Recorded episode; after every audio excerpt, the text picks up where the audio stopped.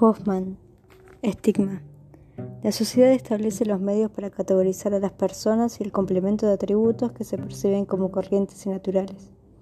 Al encontrarnos frente a un extraño, las primeras apariencias nos permiten prever en qué categoría se halla y cuál es su identidad social.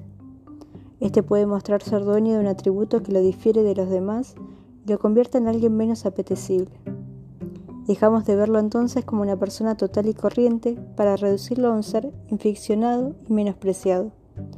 Un atributo de esa índole es un estigma, en especial cuando produce en los demás un descrédito amplio. La familiaridad de Goffman con el trasmundo de los desviados, ya puesta de manifiesto en internados, sumada a su desmenuzamiento del juego social, tal como se nos dio a conocer en la presentación de la persona en la vida cotidiana, confluyen en esta tercera obra de no menores dotes que publica nuestro eh, sello editorial. Un estudio psicosocial de los anormales, de los que portan la marca diferenciadora del estigma.